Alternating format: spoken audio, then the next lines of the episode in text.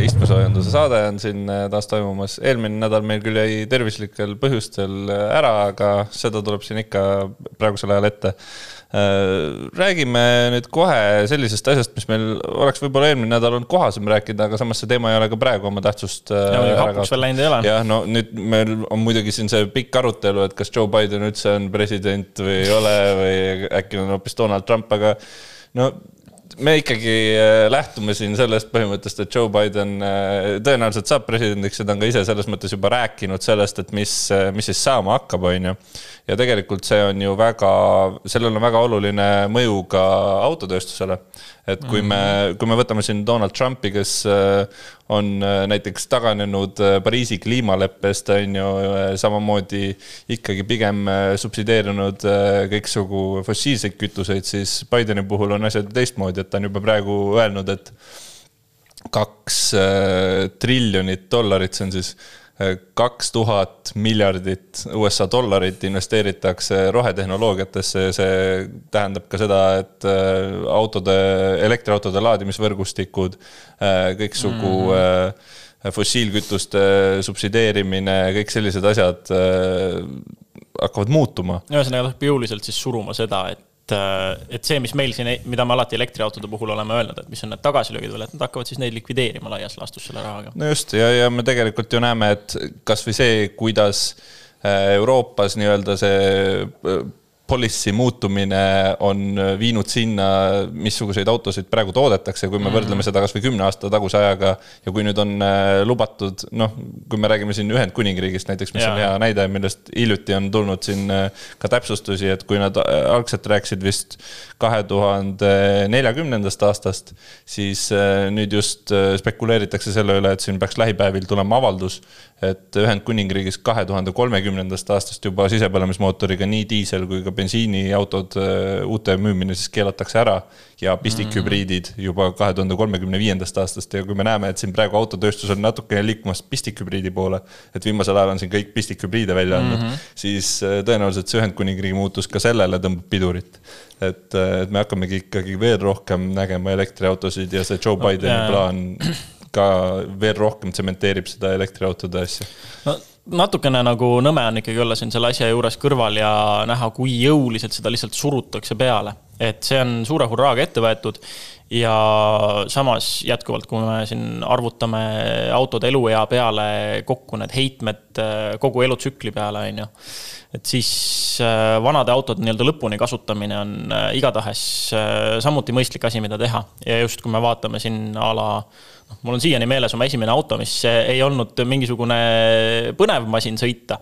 aga no suvel sai sõita neli liitrit sajale kütusekuluga ja täiesti rahulikult, et oli vana hea diiselgolf et siis, kui, kui sellised masinad lõpuni kasutada, siis mis selles nagu nii hullu on, et miks me demoniseerime siin? no ega keegi kõike? tegelikult ei olegi öelnud, et need autod nagu lõplikult keelu saaks, et siin on ka võib-olla see selline mingisugune väärtõlgendus sellest, et nad lõpetavad ei, mitte... lihtsalt müümise ära. ei, absoluutselt, aga. Saad, ma arvan, et see autode eluiga on ka sinna sisse arvestatud, et, et sul on võimalik. ei, muidugi sul on võimalus nendega edasi sõita, mis on olemas, aga see üleüldine demoniseerimine, mida ma mõtlen ja see, mhm. et just, just diisli demoniseerimine veel muuhulgas.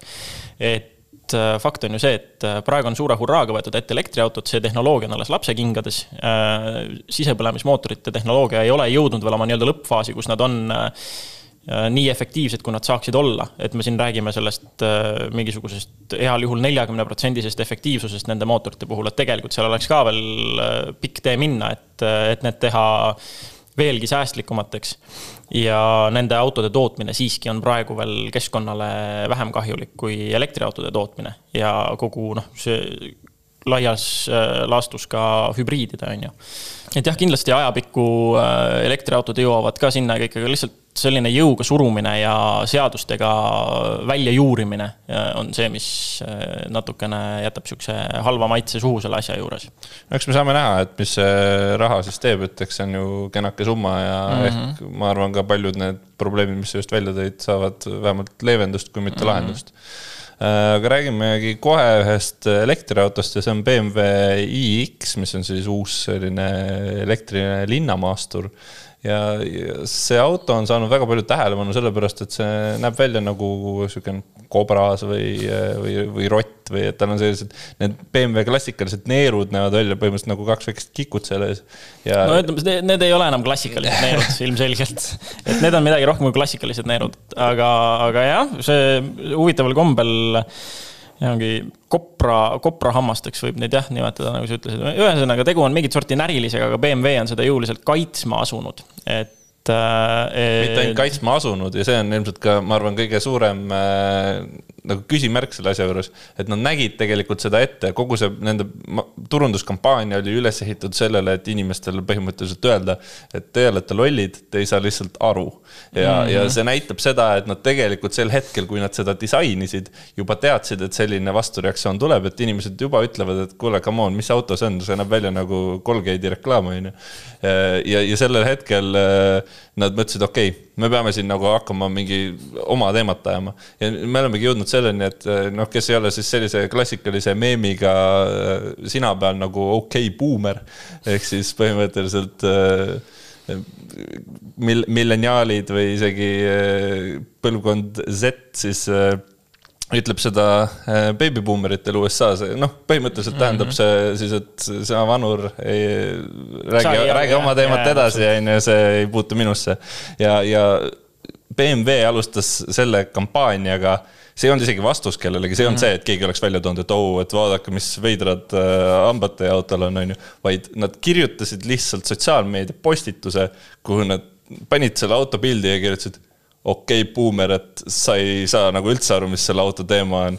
ja sellega nad läksid tegelikult enda põhi äh, kliendi vastu täiesti, ma, ma ei, ma ei saa aru, mis, äh, mis on. see on nagu... neid küsitavaid reklaamkampaaniaid on ikka aeg-ajalt olnud ja see on üks nendest küsitavaimatest minu jaoks, et, et reaalselt need on need inimesed, kellel on äh, raha.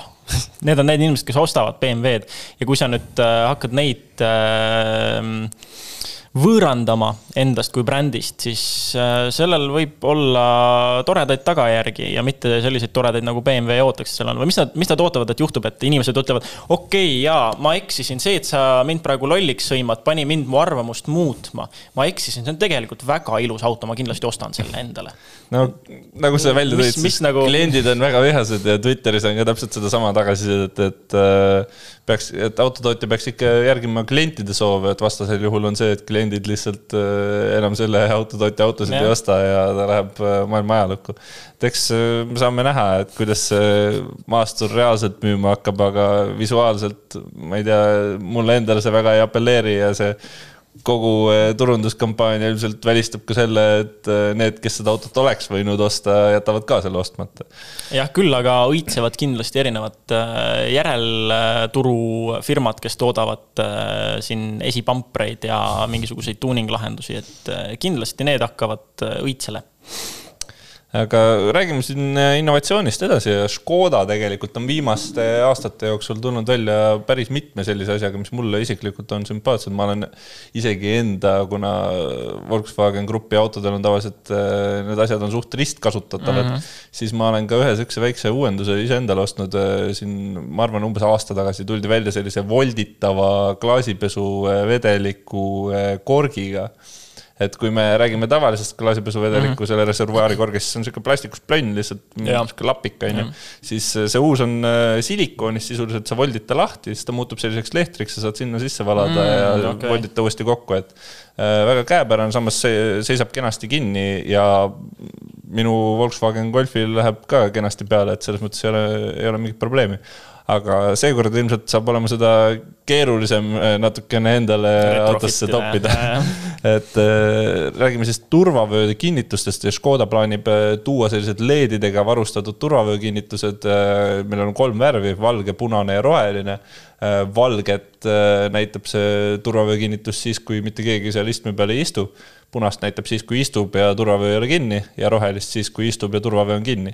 et tegelikult on päris tore lahendus, et sulle kui äh, ikkagi isale ilmselt oleks ju meelepärane, et kui saaks vaadata üle õla ja vaadata, et lapsed istuvad ja turvavööd on kinni uh,. vot seda, selle kohta lugedes ma just mõtlesin, et um ma ei näe siin seda suurt kasu tegelikult, sest ma moodsal autol niikuinii sul on need äh, turvavööandurid, sul on need tulukesed kusagil display peal on ju, sa näed, kellel tagaistmel on turvavöö kinni, kellel mitte.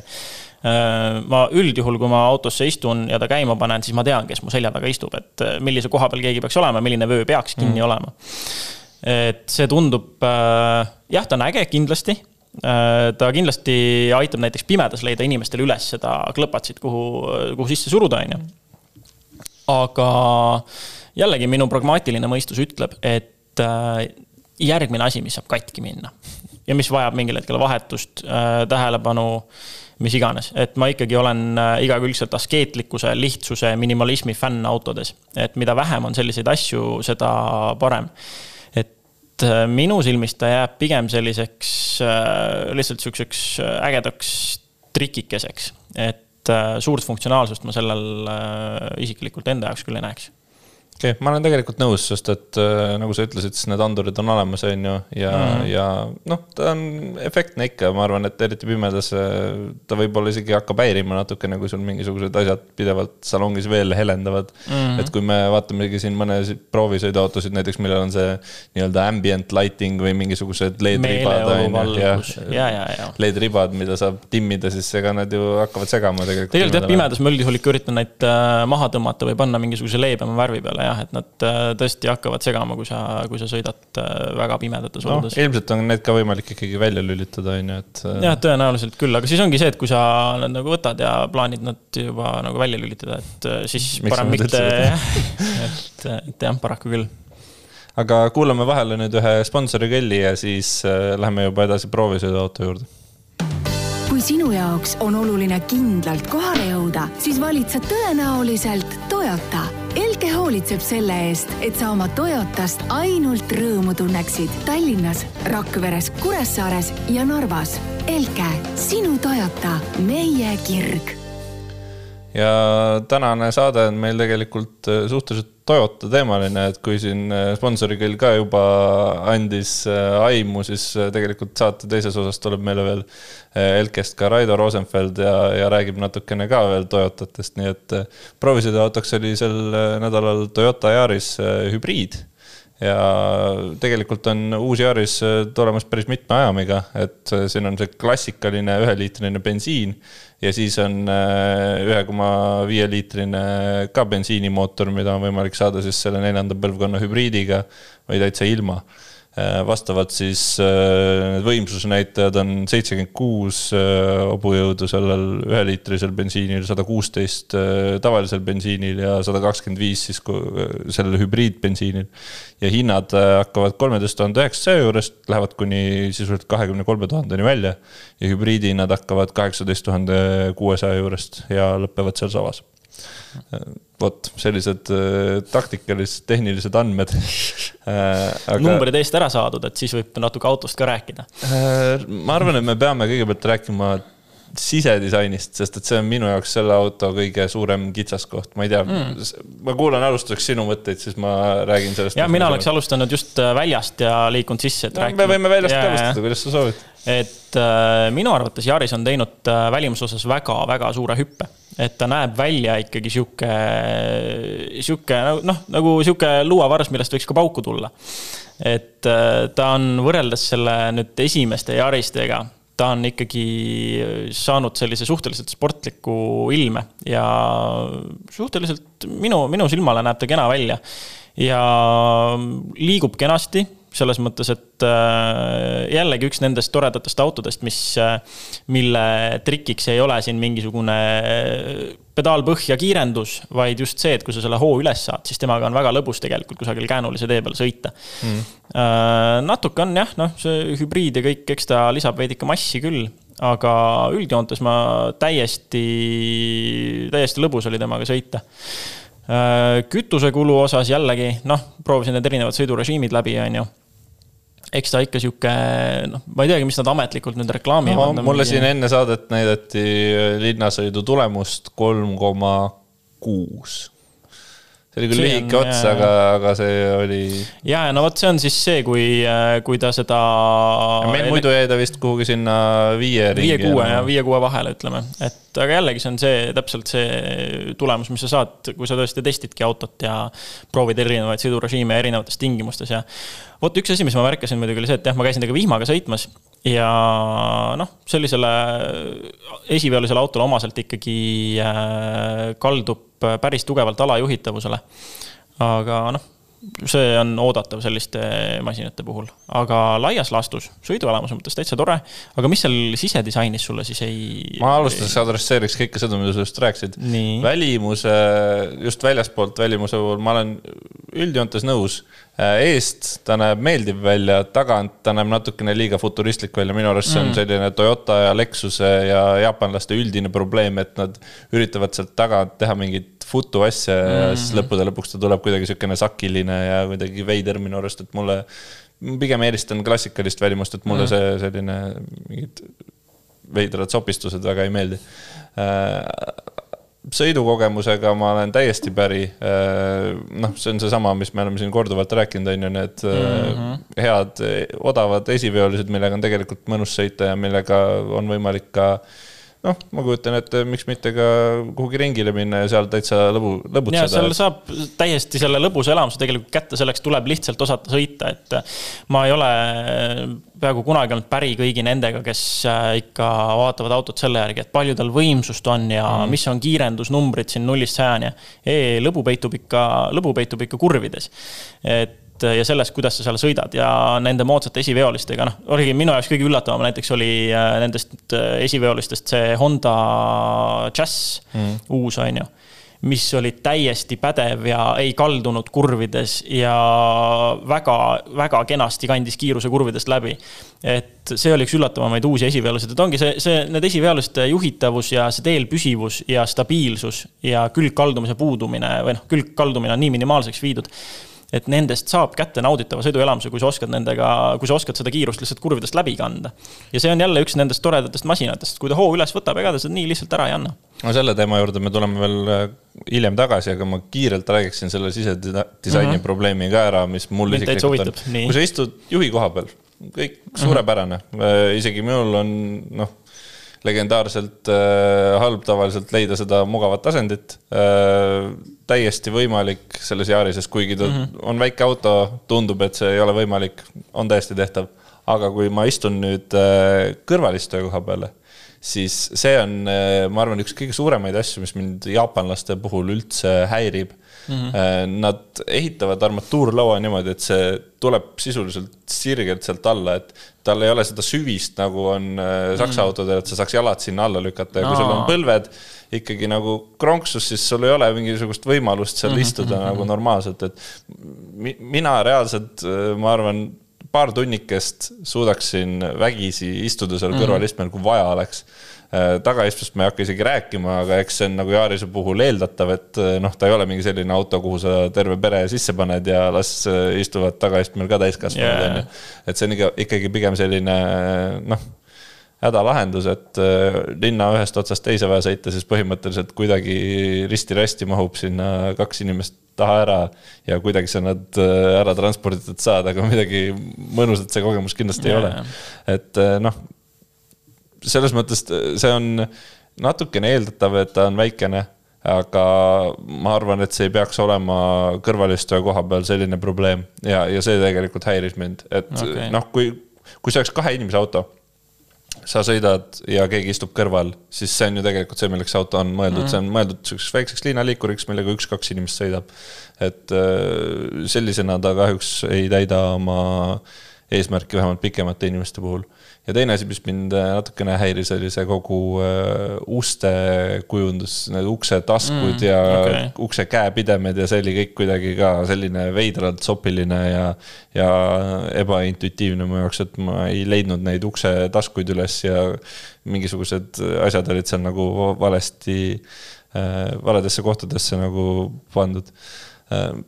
Aga ma tuleks selle juurde, et mis selle auto tugevus siis on eriti kui me võrdleme seda konkurentidega, sellepärast mm -hmm. et mhm. tegelikult, kui me vaatame seda segmenti, siis meil on autosid, on seal nagu muda viimasel ajal tulnud yeah,. selliseid väikseid esiveolisi äh, just hübriide yeah.. meil on siin endal Renault, Renault e Clio hübriid on ju, -hmm. siis seesama Honda Jazz, mida sa mainisid mm -hmm. hübriidina, et noh kui me vaatame hinna poolest, siis äh, näiteks seesama Clio, äh, ta on täiesti saadaval saja neljakümne hobujõulisena ja, ja isegi törts mm. odavama hinna eest et äh, ilmselt hind ei ole see, mis, äh, mis seda autot konkurentsis ja no siin on tegelikult just see, et siin saabki siis määravaks ju jah, see järelteenindus ja garantiid ja vastupidavus ja kogu selle hoolduse maksumus ja autoosade maksumus ja saadavus. ma tooks veel isegi ühe lisavariandi ja see on see, et kui me võtame siin näiteks Jazzi, mis on mm -hmm minu teadmist mööda esimest põlvkonda hübriidina ja. praegu saadaval, siis äh, Honda või tähendab Toyota puhul on ju neljanda põlvkonna hübriiditehnoloogia see, mis selle Yarise mm -hmm. peal ka praegu on. ja seda on tegelikult tunda ka, et kui, kui just need kogu üleminekud äh, äh, sisepõlemismootorilt elektrimootorile mm. ja vastupidi ja see, kuidas mootorid teineteist täiendavad. et äh, seda on tunda no,, just mm, -hmm. et seda on tunda sõidukogemuses ja, ja just linnakiirustel on seda eriti tunda, see noh, kuna seal on seda ülemineku kohti on hästi palju, et mingid, mingil mm -hmm. hetkel hakkab elektrimootor tööle, mingil hetkel sisepõlemismootor ja nii edasi. et see on ilmselt kõige tugevam argument tegelikult Yarise hübriidi valimise kasuks. ja hea point, jah et aga noh, see on, see on äh, muidugi tunnetuse küsimus, aga teine asi, mis on oluline, on ka muidugi vastupidavustestid, et kui mm. Äh, vaadata siin mis iganes vastupidavustesti, siis äh, Toyotad ja eriti Yaris on seal tipu pool ikkagi olnud ja, ja see on ka midagi olulist, et, et ma kujutan ette, et siin nende teiste hübriidide puhul, noh, siin on praegu vara öelda, kuna nende, nende teste ei ole veel sellisel kujul mm. ilmunud, aga ma tunnetuslikult ütleks, et Toyotal võib selles vallas ka olla eelis ja no laias laastus jällegi jah, ja kui me räägime sellest, et kellele see auto mõeldud on, siis mulle tundub täiesti, et rahulikult võib see olla siis äh, ikkagi pereauto neile, kellel on äh, kaks täiskasvanut ja kaks, äh, kaks last kuni ja kes elavad linnas, et siis neile täiesti sihuke igapäevaautoks paslik, kõik asjad saab tehtud, lapsed piimaringil ära viidud, aeda, kooli, mis iganes sinna taha mahub.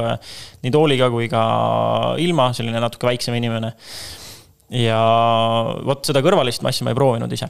ausalt, ma kogu selle proovisõidu ajal olin ikkagi ise juhi kohal, et võib-olla oleks pidanud ja võib-olla peaks selle võtma kavasse, et proovida. no ma proovisin ja, ikkagi kõik istmed läbi, et oleks täiskogemus olemas. aga et laias laastus jah, ähm, täiesti arvestatav, arvestatav masin ikkagi. hea, keskmise hinnaga, säästlik, tõenäoliselt vastupidav. Pole nagu midagi öelda, hea mm -hmm. hübriiditehnoloogia. jah aga lähme siis edasi ja, ja täna on meil äh, stuudios ka Raido Rosenfeld Elkest ja põhjusega, sellepärast et kolmkümmend aastat on möödunud just täna äh, sellest päevast, millal siis äh, Elke tegutsema hakkas ja nagu näete, siis tort on kenasti laual.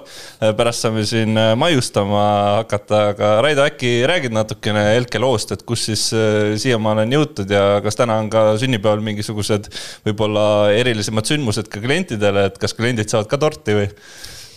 Ja äh, täna on eriline päev tõesti, et seitsmeteistkümnendat novembrit loetakse Elke alguseks ja, ja tol ajal ettevõtte nimi oli hoopis Eke Auto ja alustati Haigru tänaval. esimesed teenused olid seotud autoremondi ja hooldusega, et äh, esimese Toyota müügini jõuti natukene nagu hiljem see toimus üheksakümne teisel aastal ja selleks äh, esimeseks mudeliks oli Toyota Carina E. esmases meeskonnas oli kakskümmend inimest. tänaseks võib öelda, et kogu meeskond on äh, üle kolmesaja viiekümne inimese ja, ja sealhulgas on kakskümmend viis inimest äh, sellised, et kes, kes on nii-öelda nende algete juures ka olnud, ehk siis nagu päris, päris äh, korraliku nagu aja. ja kolmekümne aasta jooksul on muidugi ettevõte kasvanud päris, päris suureks ja, ja, ja hästi hästi edukaks äh, ettevõtteks äh, automüügiturul. esindusi üle Baltikumi on tervelt kümme tükki, äh, siis seotud on enamjaolt Toyota ja, ja ka siis Lexuse müügiga, et, et, et need on nagu kaks brändi, millele Elke on keskendunud. tollel ajal oli ettevõtte loojatel nägemus, et selleks, et autot osta või seda hooldada ja teha seda hästi, ei pea tundma kindlasti ettevõtte direktorit, vaid et iga inimene, kes tuleb uksest sisse, saab väärika teeninduse osaliseks ja, ja need põhimõtted ei ole muutunud tänase päevani, et, et asju saab teha kindlasti paremini, kui tehti neid eile. ja, ja iga klient on meile tähtis, kes uksest sisse tuleb ja, ja, ja väärib erilist hoolt ja tähelepanu. ma korra küsin kohe vahele, et jäi lihtsalt kõrvad. EKE auto oli kunagi, nüüd on Elke, mis see siis tähendab? Äh, tähendus, äh, seda ma niimoodi lahata isegi ei oska, see on nüüd loojate selline äh, fantaasia ja tõlgendus, et. vahepeal tuli üks osanik juurde. eks EKE oli algselt jah, ja pärast sai nagu Elke, et, et täna mm. on Toyota esindused kõik Elke nime alla koondunud, koondunud siis erinevates linnades, Tallinnas, Lasnamäel, Mustamäel ja Rakvere, Narva ja ka Kuressaare, et kõik on siis Elke ühise nimega no ma tuleks ikkagi selle olulise küsimuse juurde tagasi, et äh, siin kliendi väärikast kohtlemisest oli juttu, kas kliendid saavad ka täna ikkagi tüki torti? jaa, absoluutselt, kõik kliendid, kes äh, külastavad äh, LK esindusi, neid ootab seal ees äh, üllatus. on ka sünnipäevapakkumisi ja, ja selle pakkumisega käib kaasas ka selline tordi söömine ja, ja sihuke lihtsalt hea, hea tunde tekitamine ja mõnus, mõnus olek palju õnne Elkele siis veel kord, aga tegelikult meil on ju teisi uudiseid ka, et äh, siin on äh, Toyota Highlander, millest me oleme küll põgusalt rääkinud, aga nüüd on äh, päris selgelt ka teada, et see auto tuleb Eestisse, hinnad on juba teada ja teada on ka, et millal need esimesed autod siia kohale võiks jõuda. et teen väikse siukse põgusa meeldetuletuse nendele, kes võib-olla ei mäleta, et see on siis äh, Toyota neljanda põlvkonna hübriidiga varustatud maastur kahe koma viie liitrise mootoriga. ja ilmselt kõige olulisem või selline tähelepanuväärsem selle puhul on see, et seal on seitse kohta ja, ja pikka aega oli see selline arutelu selle üle, et kas auto siis jõuab Euroopasse või ei jõua, et eks ta on selline natukene nišisegment, aga noh, ma olen isiklikult küll tundnud, et võib-olla see seitsmekohaline auto võiks olla midagi sellist, mida paljudel inimestel on vaja ja ega tegelikult, kui me vaatame, vaatame näiteks seda, kuidas, kuidas mõningaid selliseid maastureid, noh, mis on ka väga spetsiifilised meie turul, on müüdud, siis tundub, et see vajadus võiks nagu täitsa olemas olla. millal need esimesed autod siis Eestisse jõuavad ja mis hinnaga need võiks olla? Jah, tellimused äh, avati mõned päevad tagasi ja esimesed Highlanderid klientidele võiksid üle minna kuskil siin äh, veebruarikuus, võib-olla natukene nagu varem. et hinnad algavad äh, neljakümne neljast, nelikümmend neli üheksasada, kui olla täpsem, et sellest algavad, aga, aga selle, selle summa eest saab hästi hea varustusega ja, ja sellise korraliku masina, et ta on isegi oma mõõtudelt pikem kui Land Cruiser. jõuallikaks on neljanda põlvkonna hübriidmootor ja, ja mis tähendab seda siis, et ta on oma nagu sellise segmendi üks ökonoomsemaid ja, ja kindlasti sellise nagu CO2 pääste poolest madalama selle näitaja, näitajaga hakkab silma kindlasti ma vaatasin ka ise, et äh, see pikkus on vist pea viis meetrit, on ju, ja, ja seal äh, need asjad, mis varustuses olid, olid ka ikkagi sellised auto, asjad, mida me tavaliselt leiame luksusautodes, kõik sellised ventileeritavad istmed ja kõik muu pudi-padi oli seal olemas, et kõik, mida tahta aga siis äh, tõmbamegi siit saatele joone alla ja saate, saate Highlanderi tellimused ära teha ja võite juba täna Elkesse minna ja siis saate suuga magusaks. jah, tere tulemast